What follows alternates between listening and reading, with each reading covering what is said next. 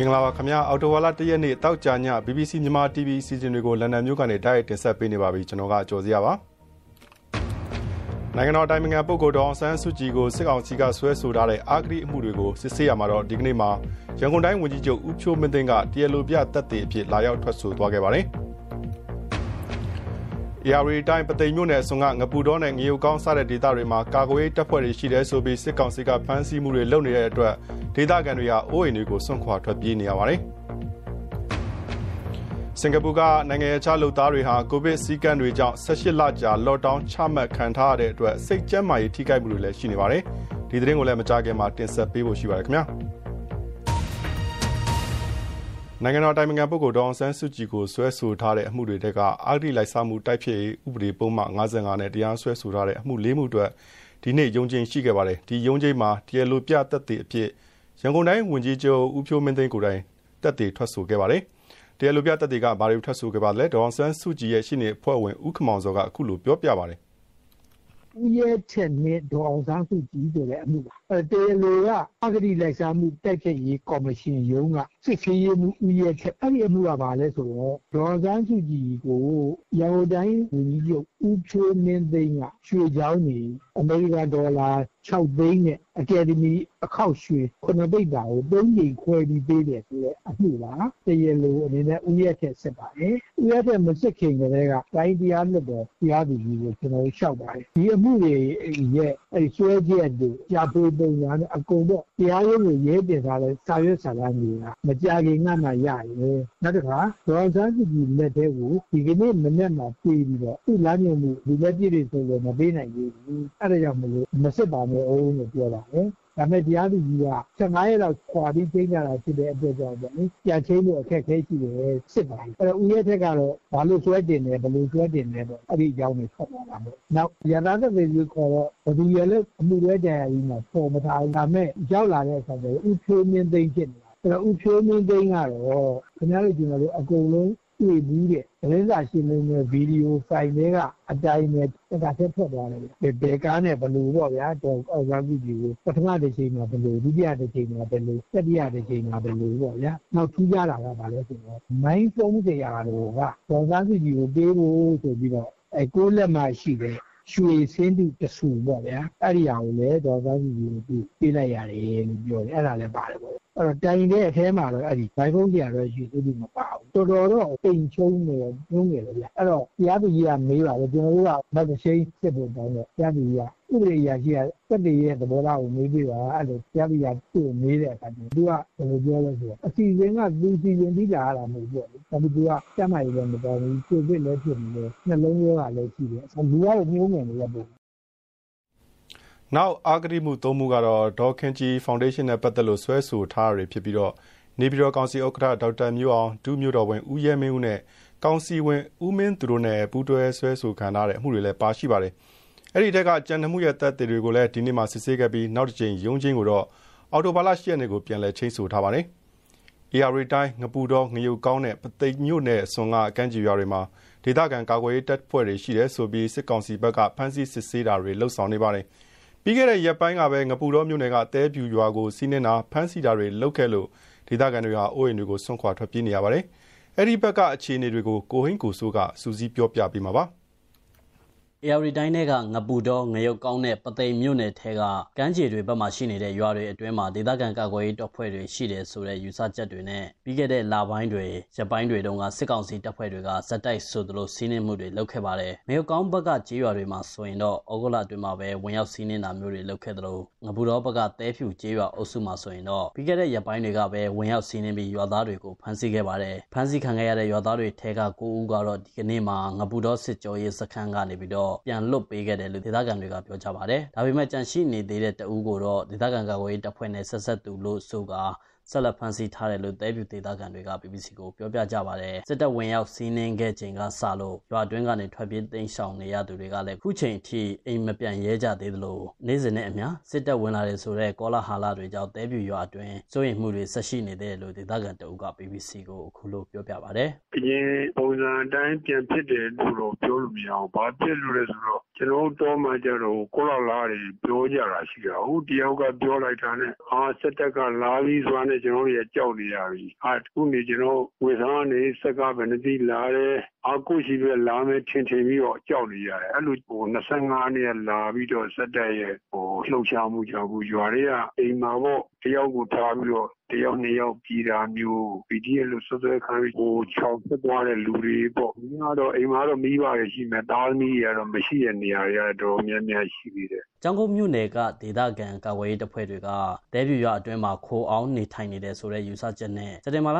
23ရက်နေ့ကစပြီးတော့လကွန်ပိုင်းအထိတဲပြူရွာအတွင်းမှာစစ်တပ်ကတပ်ဆွဲတာစီးနှင်းမှုတွေလုပ်ခဲ့ပြီးဒေသခံ10နဲ့ချီပြီးတော့ဖမ်းဆီးခံရတာမျိုးတွေလည်းရှိခဲ့ပါတယ်။စက်တင်ဘာလ29ရက်နေ့မှာတော့စစ်တပ်ကပြန်လည်ထွက်ခွာသွားတယ်လို့ဒေသခံတွေကပြောဆိုကြပါတယ်။ဒါပေမဲ့ငရုတ်ကောင်းကစလို့ရွှေတောင်ရန်ကမ်းခြေအထိရွာတွေမှာတော့စစ်တပ်ကနေစဉ်သွာလာနေတာမျိုးတွေရှိတယ်လို့အဲ့ဒီဒေသခံတွေထံကဆက်သွယ်သိရှိရပါတယ်။ဒါပေမဲ့အဲ့ဒီအနီးနားရွာတွေမှာနေစဉ်ဆိုသလိုအဝင်ထွက်လုပ်နေပြီးတော့လက်ပတ်နေတယ်လို့တဲပြူပဝင်းကျင်ကရွာလည်းဖြစ်ပသိမ်နယ်အဆက်ကစင်မရွာဒေသခံတဦးကတော့ BBC ကိုအခုလိုပြောပါတယ်။ဒီအခြေအနေနဲ့လည်းအလုပ်ကြီးလည်းအစီအပြောင်းလို့မရဘူး။စားရုံတော့လည်းလုံးလို့ရနေကြအဲ့လိုပဲသူတို့ကဘာမှသူတို့လည်းဘာမှမပြောဘူး။ကိုယ်ဖာကိုပဲနေပြီးအဲ့လိုမျိုးပဲလုပ်နေကြတယ်တော့။သူတို့လည်းလိုင်းသူတို့ကသူတို့အဲ့လိုပဲတွားကြလာကြအဲ့လိုမျိုးပဲနေကြပါ သူတို့တွေလာရင်တော့ စိုးရိမ်တာပေါ့ နည်းနည်းတော့ အဲ့လိုမျိုး သူတို့မြင်လိုက်လို့ရှိရင် နည်းနည်းတော့ပါတော့လဲဟိုတပုတ်တတိလေးနဲ့ ကိုနေကြရပါစိုးရိမ်ကြရပါအနာသိမိကလေးကစလို့ ဒေသအနှံ့မှာ ကာကွယ်ရေးတပ်ဖွဲ့တွေ ဖွဲ့စည်းပြီးတော့ စစ်ကောင်စီတပ်တွေနဲ့ပြစ်ခတ်တိုက်ခိုက်မှုတွေစက်တိုက်ဆိုလို့ဖြစ်နေတာ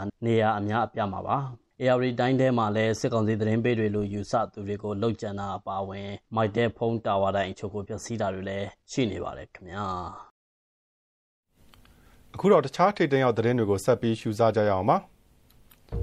နေပြည်တော်ပုပ္ပတိရိညွန့်နယ်မှာရှိတဲ့ကာကွယ်ရေးဝန်ကြီးဌာနပစ္စည်းဝယ်ယူရေးညွှန်ကြားမှုရုံးအတွင်းမှာစက်တင်ဘာလ30ရက်နေ့ညနေပိုင်းကပောက်ကွဲမှုဖြစ်ပွားခဲ့ပါတယ်။ဒီပောက်ကွဲမှုကြောင့်ရုံးအဆောက်အုံအစိပ်ပိုင်းတချို့နဲ့ကားတစ်စီးပျက်စီးခဲ့ပါတယ်။ဒီပောက်ကွဲမှုဟာပြည်သူ့ကာကွယ်ရေးတပ်မတော်နေပြည်တော်နဲ့အမည်မဖော်လို့တဲ့တော်လိုင်းအင်အားစုတရက်ကပူးပေါင်းဆောင်ရွက်ခဲ့တာလို့နေပြည်တော် PDF ကသတင်းထုတ်ပြန်ပါတယ်။ ဒီကနေ့မနက်ပိုင်းကစကိုင်းတိုင်းကန့်ဘလူးခရိုင်ကျွန်းလာမြို့နယ်ပတောက်မြိုင်ရက်ကွက်ထဲကမြို့မယုံကျောင်းတိုက်လက်ဖေးဆိုင်အနီးမှာပောက်ကွဲမှုဖြစ်ခဲ့ရမှာစစ်ကောင်စီအရာရှိတူသေဆုံးခဲ့ပြီးဒဏ်ရာရသူတွေလည်းရှိခဲ့ပါတယ်။အဲဒီပောက်ကွဲမှုအတွင်းစစ်တပ်ကဗိုလ်မှူးအဆင့်ရှိသူတယောက်နဲ့နောက်ထပ်လူနှစ်ယောက်သေဆုံးသွားတယ်လို့မျက်မြင်တွေ့သူတွေက BBC ကိုပြောပါတယ်။ပောက်ကွဲမှုနဲ့ပတ်သက်ပြီး BBC ကစစ်ကောင်စီဘက်ကိုမေးမြန်းခဲ့ပေမဲ့ပြန်လည်ဖြေကြားခြင်းမရှိသေးပါဘူး။ပောက်ကွဲမှုဖြစ်ပွားခဲ့ပြီးနောက်ကျွန်းလာမြို့နယ်အတွင်းမှာပိတ်ဆို့စစ်ဆေးတာတွေလုပ်ခဲ့တယ်လို့ဒေသခံတွေကပြောပါတယ်။ မြောက်ကိုရီးယားအစိုးရကအသစ်ထုတ်လုပ်လိုက်တဲ့လေယာဉ်ပစ်ဒုံးကျည်အသစ်တစ်မျိုးကိုမနေ့ကစမ်းသပ်ပစ်ခတ်ခဲ့ပါတယ်။ဒုံးကျည်လောင်ချာကောင်းမကောင်းဘလောက်ဝေးဝေးသွားနိုင်တယ်လဲပစ်အားဘလောက်ကောင်းကောင်းလဲဆိုတာသိရဖို့စမ်းသပ်ပစ်လွတ်ခဲ့တာလို့မြောက်ကိုရီးယားအစိုးရသတင်းမီဒီယာတွေမှာဖော်ပြထားပါတယ်။ဒါပြီးခဲ့တဲ့လအတွင်းမြောက်ကိုရီးယားကစမ်းသပ်ပစ်လွတ်တဲ့စတုဒ္ဓမြောက်လက်နက်သစ်လည်းဖြစ်ပါတယ်။ ဩစတြေးလျနိုင်ငံမှာကိုဗစ်ကာကွယ်ဆေးအပြည့်ထိုးထားတဲ့နိုင်ငံသားတွေအနေနဲ့နိုဝင်ဘာလကစလို့နိုင်ငံတဲကနေလွတ်လွတ်လပ်လပ်ဝင်ထွက်သွားလာခွင့်ရတော့မယ်လို့ဝန်ကြီးချုပ် Scott Morrison ကထုတ်ဖော်ပြောကြားလိုက်ပါတယ်။ဒါဟာကိုဗစ်ဘေးကြောင့်ပြီးခဲ့တဲ့နှစ်မတ်လကတည်းကပိတ်ထားခဲ့တဲ့နိုင်ငံတကာနယ်စပ်တွေကိုပထမဆုံးချိန်ပြန်ဖွင့်လိုက်တာပါ။နိုင်ငံသားတွေကိုတော့ဩစတြေးလျနိုင်ငံထဲဝင်ထွက်ခွင့်ဆက်ပိတ်ထားအောင်မှာဖြစ်ပါတယ်။ ဂျပန်တော်ဝင်မင်းသမီးမာကိုဟာတာမန်ရသားသူ့ရဲ့အကြောင်းတွေပဲချစ်သူကေကိုမူရိုနဲ့လက်ထပ်ဖို့သူ့ရဲ့တော်ဝင်ဘွဲကိုဆွန့်တော်မှာဖြစ်ပါတယ်2018ခုနှစ်တုန်းကမစ္စတာကေကိုမူရိုရဲ့မိသားစုမှာငွေကြေးပြဿနာတွေရှိတယ်ဆိုတဲ့သတင်းတွေကြောင့်သူတို့နှစ်ဦးလက်ထပ်ဖို့အစီအစဉ်ကိုဆိုင်းငံ့ထားခဲ့တာပါ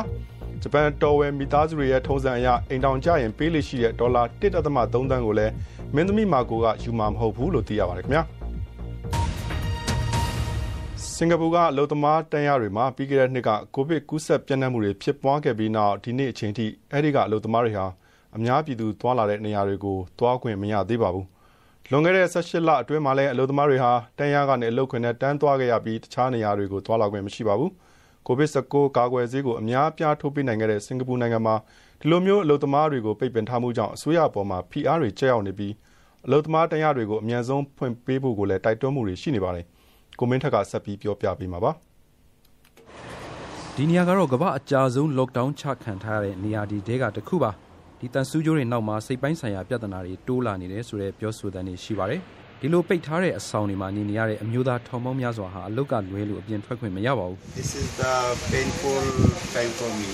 holiday Sharif အတွက်တော့အရန်ကိုစိတ်ပင်ပန်းစားပြုလာပါပြီ I want to send a message to Singapore government စင်ကူဆိုတာကိုပြောချင်ပါတယ်ဒီဆောင်မှာကျွန်တော်တို့နေနေရတာတော့ကြာနေပါပြီ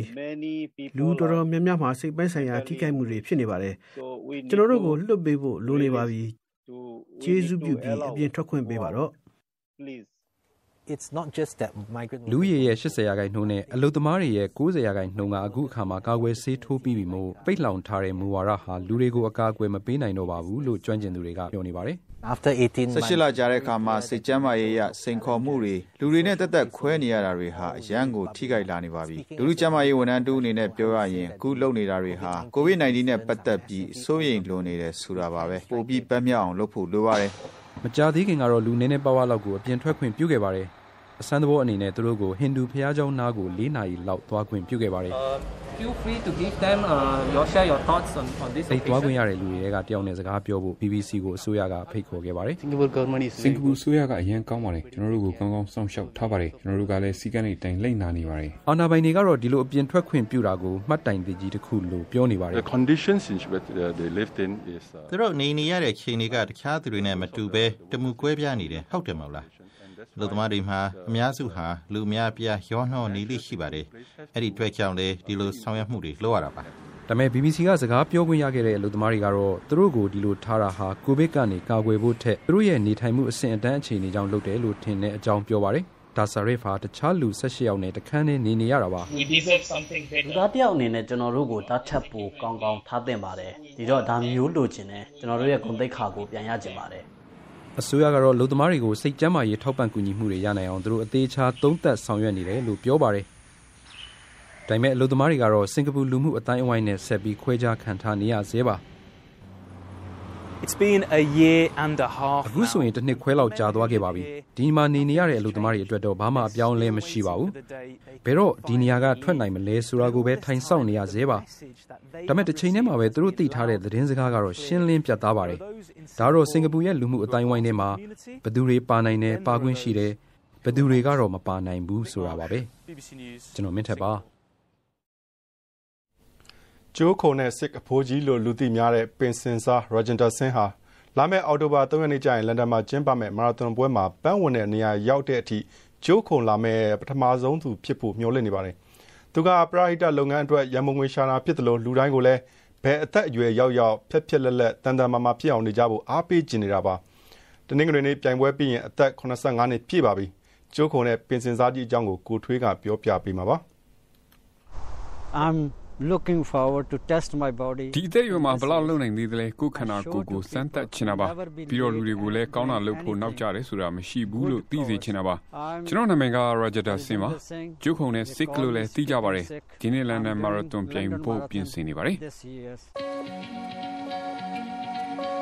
I learned this uh, from my father as he was အဖေစီကတင်ခဲ့တာပါအဖေကဒုတိယကမ္ဘာစစ်စစ်ပြန်စသားကြီးပါဒီနေ့သူကကျိုးဘလို့ခုံရတယ်ဆိုတာသင်မိပါတယ်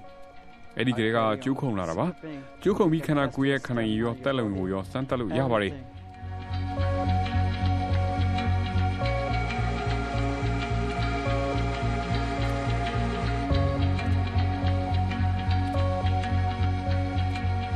In my training I do skipping I would say 5 600နေတိုင်းတနေ့ကိုအချိန်900 600လောက်ကျိုးခုံပါတယ်တပတ်ကိုမိုင်30ပြေးလျှောက်လုပ်ပါတယ်25မိုင်လောက်စပိုင်းစီတယ်ဒါပေမဲ့ကျိုးခုံရတာကိုကြိတ်ကိုကြိတ်တယ်25 miles but I love doing skipping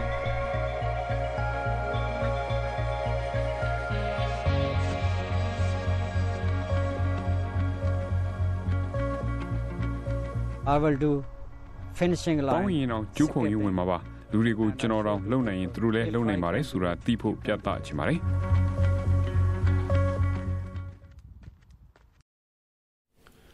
BBC မြန်မာပိုင်းရဲ့ရုပ်သံအစီအစဉ်တွေကိုနေ့စဉ်ကြည့်ရှုအားပေးတဲ့အတွက်ကျေးဇူးထူးတင်ပါတယ်။ BBC ပြည်သက်များနဲ့တကွမြန်မာပြည်သူပြည်သားအပေါင်းကိုစိတ်နှပြရွှင်လန်းချမ်းမြေ့ကြပါစေ။ဘေးဒုက္ခရန်အပေါင်းကနေလည်းအမြန်ဆုံးကင်းဝေးနိုင်ကြပါစေခင်ဗျာ။